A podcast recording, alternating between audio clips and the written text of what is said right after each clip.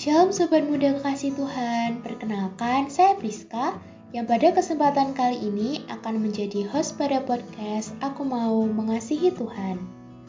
Tentunya Sobat Muda sudah sering mengikuti setiap episode dari podcast ini kan? Podcast yang dibuat oleh Wonogiri Student Revival atau WSR ini mengajak Sobat Muda untuk belajar mengasihi Tuhan. Podcast ini akan rilis setiap hari Jumat jam 3 sore. Jadi setelah mengikuti setiap episodenya ya, jangan sampai ada yang terlewatkan. Supaya sobat muda bisa belajar dengan lengkap dan bisa mengalaminya dalam hidup sobat muda semua. Oke sobat muda semua, sekarang kita akan ngobrol-ngobrol lewat segmen BTW, Bincang-bincang Taman Weekend. Pada BTW kali ini, saya tidak sendirian. Saya akan berbincang-bincang dengan tamu spesial untuk bisa belajar bersama.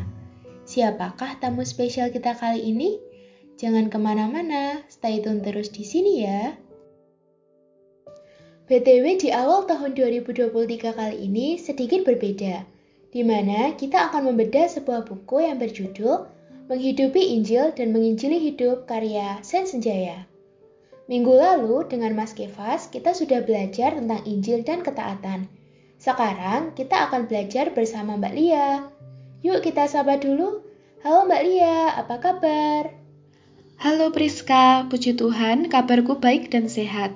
Semoga sobat muda semua juga dalam kondisi yang baik dan sehat ya.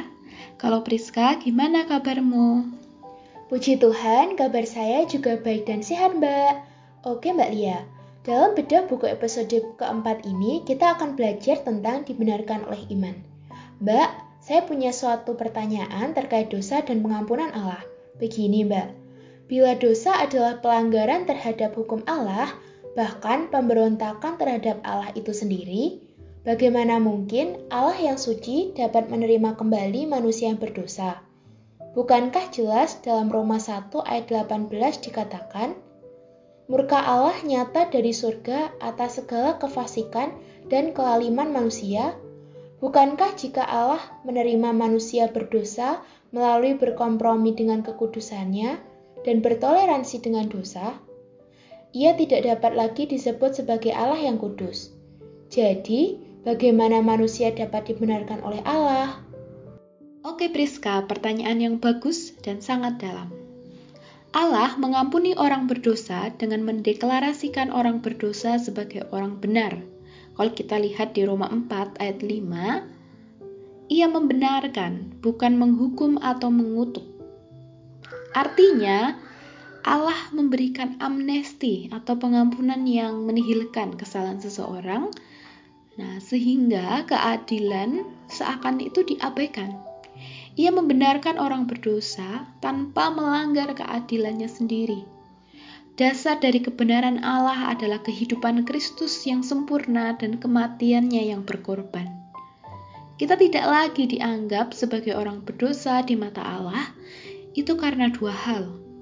Pertama, kesempurnaan Kristus menaati hukum-hukum Allah yang ditransfer kepada kita yang ada di dalam Kristus. Sehingga di mata Allah seakan-akan kita tidak pernah berbuat dosa. Kedua, Allah menerima kematian Kristus sebagai korban tebusan dosa manusia.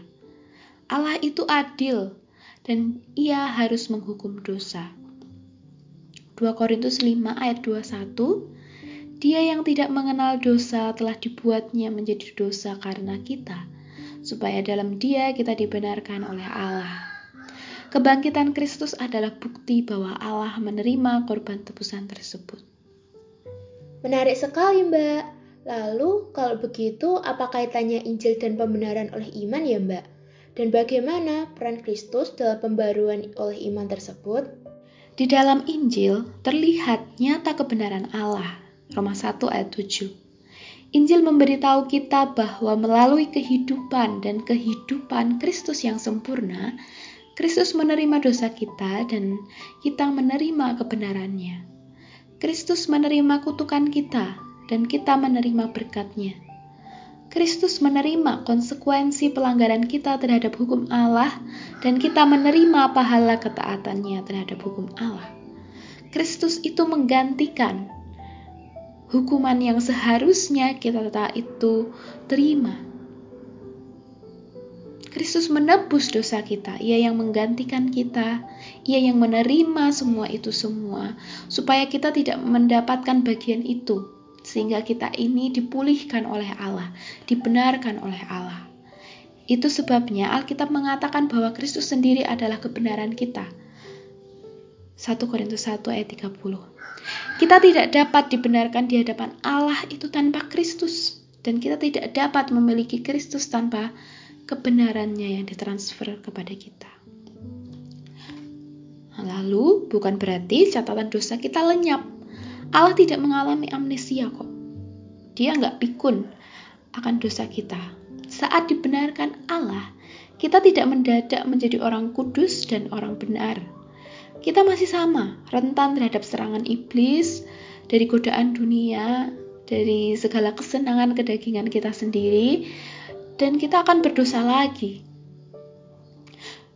Dan lagi gini, selama orang percaya masih menempati tubuh berdosa ini di dalam dunia yang berdosa, kita tidak pernah menjadi tanpa dosa. Pasti kita akan uh, berbuat dosa karena kita masih hidup di dunia yang berdosa ini. Tetapi kita dimampukan untuk berjuang melawan dosa sehingga kita lebih berkurang di dalam berdosa. Jelas karena Roh Kudus itu sudah ada di dalam diri kita sehingga ada uh, natur di dalam diri kita ini untuk membenci dosa. Untuk tidak suka saat kita berbuat dosa. Ada natur untuk memikirkan kembali ulang gitu ya saat kita akan berbuat dosa. Wah, begitu ya, Mbak. Kita ini dibenarkan oleh Allah di dalam Kristus.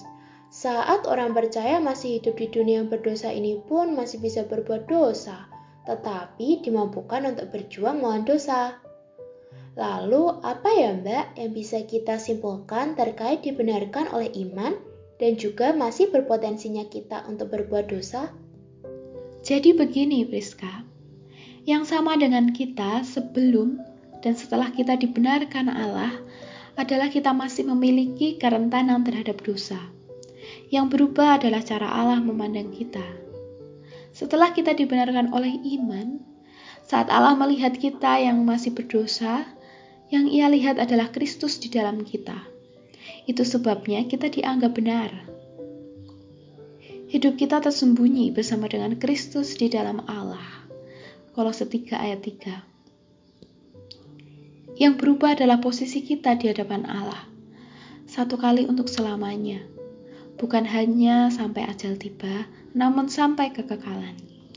Dan tidak ada apa pun atau siapa pun yang dapat mengubah posisi tersebut di mana pun dan kapan pun. Roma 8 ayat 38 sampai 39. Secara praktis, kita masih sama, tidak mampu untuk sama sekali tidak berdosa. Namun secara posisi, kita yang dibenarkan oleh iman dalam Kristus, kita dimampukan untuk hidup bagi Kristus yang sudah mati dan dibangkitkan bagi kita untuk hidup sejalan dengan Injil Kristus. Inilah modal kita datang menemui Allah saat kita jatuh dalam dosa. Allah mengampuni dosa kita untuk keseribu kalinya bukan karena kita lebih rohani atau lebih disayang Allah dibanding orang lain. Tetapi karena anak Allah telah hidup untuk menghidupi kehidupan yang semestinya kita jalani, namun tidak mampu dan telah mati mengalami kematian yang kita semestinya layak terima. Oke Mbak Lia, terima kasih banyak untuk pelajaran dari bedah buku yang dibagikan kali ini. Kiranya kita semua terberkati melalui perbincangan kali ini. Tuhan Yesus memberkati Mbak Lia.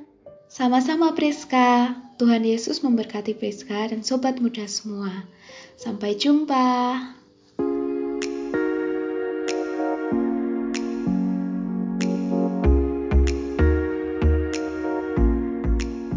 Sobat muda kekasih Tuhan, senang sekali ya Hari ini kita bisa belajar bersama lewat bincang-bincang teman weekend.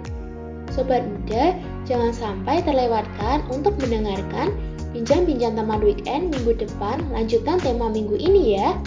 Tentunya, bincang-bincang minggu depan tidak kalah seru untuk kita pelajari dan kita alami bersama. Kalau ada sobat muda yang ingin berdiskusi, bertanya, memberi masukan, sobat muda boleh sampaikan lewat Instagram BSR di @wisstudentrevival. Oke, sekian podcast kali ini. Gabung lagi minggu depan ya. Tuhan Yesus memberkati.